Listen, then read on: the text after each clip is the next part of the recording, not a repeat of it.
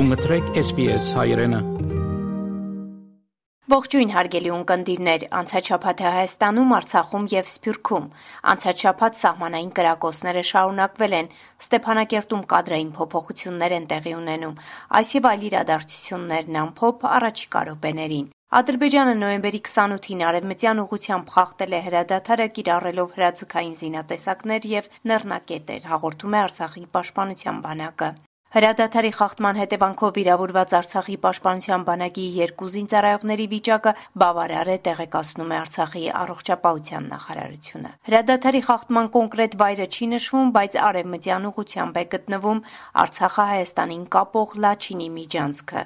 Իդեպ հայաստանյան քաղաքական դաշտում վերջին շրջանում բավականին ակտիվ կերպով քննարկվում է հավանական այն սցենարը, որ Ադրբեջանը մի օր պարզապես կարող է փակել Հայաստանն Արցախին կապող միջանցքը միջանցքը, քանի որ այդպիսի շանտաժներ արվում են պարբերաբար։ Թե Երևանը, թե Ստեփանակերտը գրեթե ամեն օր հաղորդում են սահմանին գրակոսների մասին։ Ադրբեջանը հայկական կողմին է փոխանցել սեպտեմբերի 13 եւ 14-ին Հայաստանի ինքնիշխան տարածքի պաշտպանության ժամանակ զոհված 13 հայ զինծառայողի մարմին,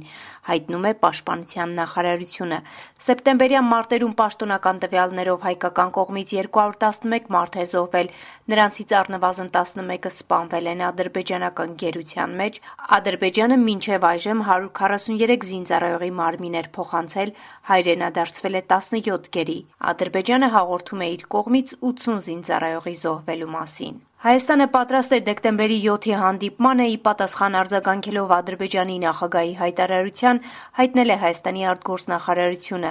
Ալիևը մինչ այդ հայտարարել էր դեկտեմբերի 7-ին Բրյուսելում նախատեսված Հայաստանի վարչապետի հետ հանդիպումը չեղարկելու մասին, քանի որ Նիկոլ Փաշինյանը ցանկություն էր հայտնել, որ դրան մասնակցի նաև Ֆրանսիայի նախագահը։ Ալիևը պնդում է, թե Ֆրանսիան չի կարող միջնորդ լինել, քանի որ հակաադրբեջանական է եւ կողմնակալ։ Պաշտոնական Բաքուն պատասխանել է խաղաղության պայմանագրի նախագծի շուրջ Երևանին ներկայացրած առաջարկներին։ Այս մասին Armenpress-ի հետ զրույցում տեղեկացրել է Հայաստանի արտգործնախարար Արարատ Միրզոյանը, չմանրամասնելով Ադրբեջանը համաձայնել, թե առարկել է Հայաստանի ներկայացրած տարբերակին։ Պաշտոնական Երևանն առ այսօր չի բացահայտել, թե ինչ առաջարկներ է ներկայացրել Բաքվին։ Մենք Ադրբեջանին ենք ներկայացրել մեր առաջարկները հարաբերությունների կարգավորման կամ խաղաղության պայմանագրի նախագծի վերաբերյալ եւ նախորդին ենք միայն ստացել նրանց պատասխանները։ Այսպիսով քննարկումները շարունակվում են, հույս ունենք այս հարցում համաձայնության հասնել հնարավորինս շուտ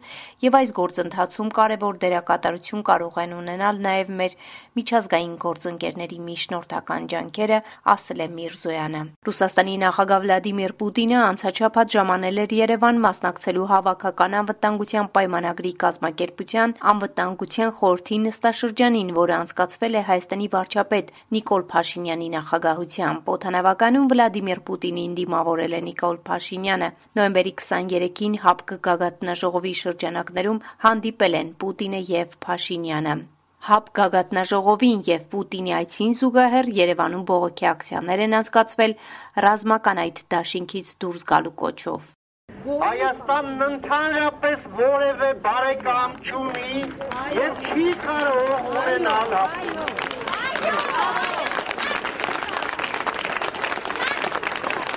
Այսինքն ոչ թե ավելի շատ կամ ավելի քիչ, այլ զրո։ Ժողովուրդ որևէ մեկս հապկի հետ որևէ հույս կապում ենք։ Այդ Նիկոլ Փաշինյանը ում հետ է գագաթնաժողով անցկացնում, ով է նրան թույլ տվել այստեղ այդ տերորիստերին բերի նստան։ Ու քննարկի։ Պուտին, ուխացի, Պուտին, Որ երկրի ղեկավարն է հայտարարել, որ Արցախը Ադրբեջանի օրինական տարածք է։ Որ երկիրն է հեղինակել նոյեմբերի 9-ի Հայաստան կապիտուլյացիան։ Թշնամի Ռուսաստանը։ Թշնամի Ռուսաստանը։ Պուտին վոր и убийца։ Россия враг։ Россия враг։ Ազատ, Անկախ Հայաստան։ Ազատ, անկախ Հայաստան։ Ազատ, անկախ Հայաստան։ ազատ, անկախ, Հայաստան։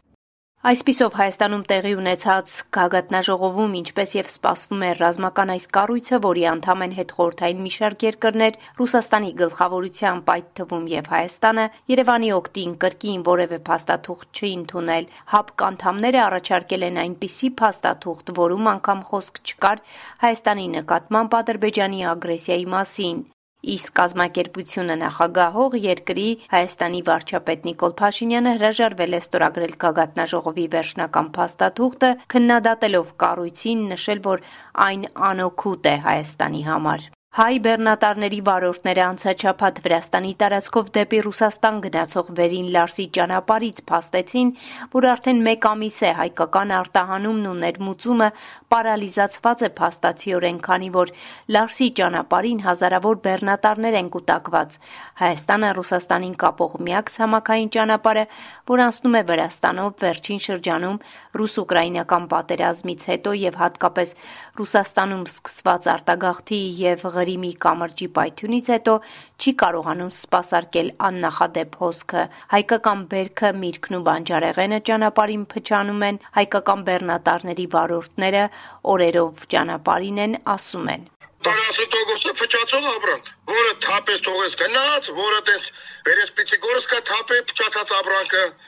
քանի մեքենա ապրանք են թափե։ Ռուսները չեն աշխատում։ Դրա համար էլ ասած երիտասարդուտը, որ մեքենան մտավ Ռուսաստանի տարածք, 3-4 տեղ ռենգեն են կասում։ Մենք էլ ի վիճակի չենք էլ ասենց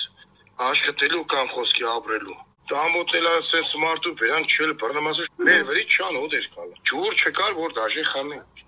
Այդ օրն ենք գնաց։ Հայաստանի էկոնոմիկայի նախարար Վահան Քերոբյանի խոսքով հիմա արագ փչացող բեռների հետ կապված խնդիրներ ունենք եւ ելի հայկական որոշ արտադրողներ բանը մասն եւ ելի որոշ հայ արտադրողներ ովքեր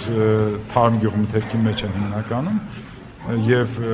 կատնամթերքի նաեւ ունեն խնդիրներ եւ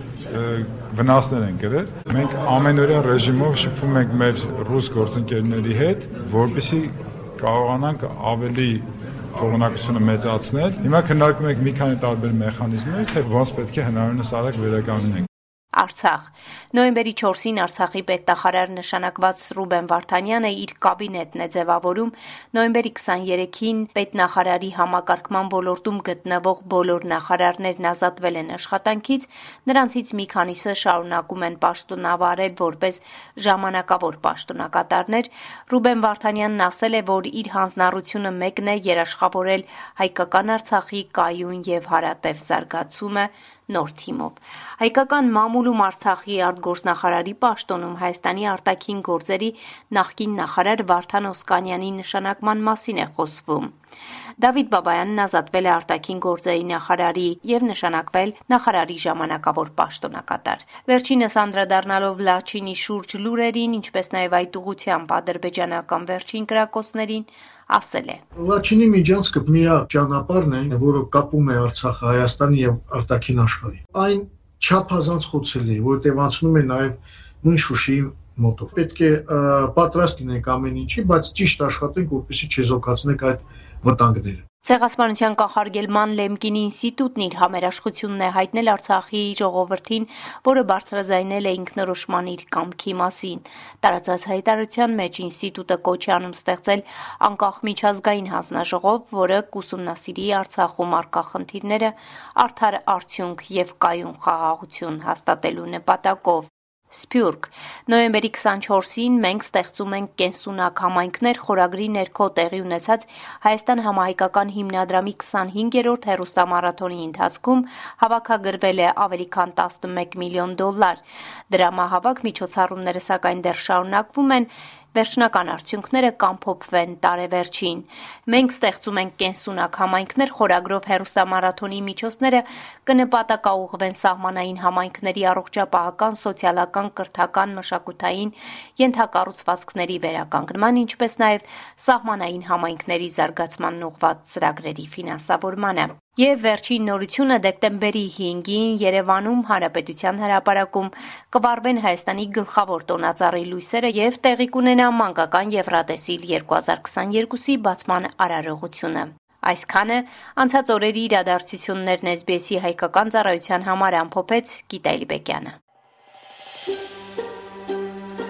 Կուզես լսել նման բանություններ, կընտրե Apple Podcast-ի, Google Podcast-ի, Spotify-ի վրա, կամ որտեղեն որ podcast-ը դուք լսես։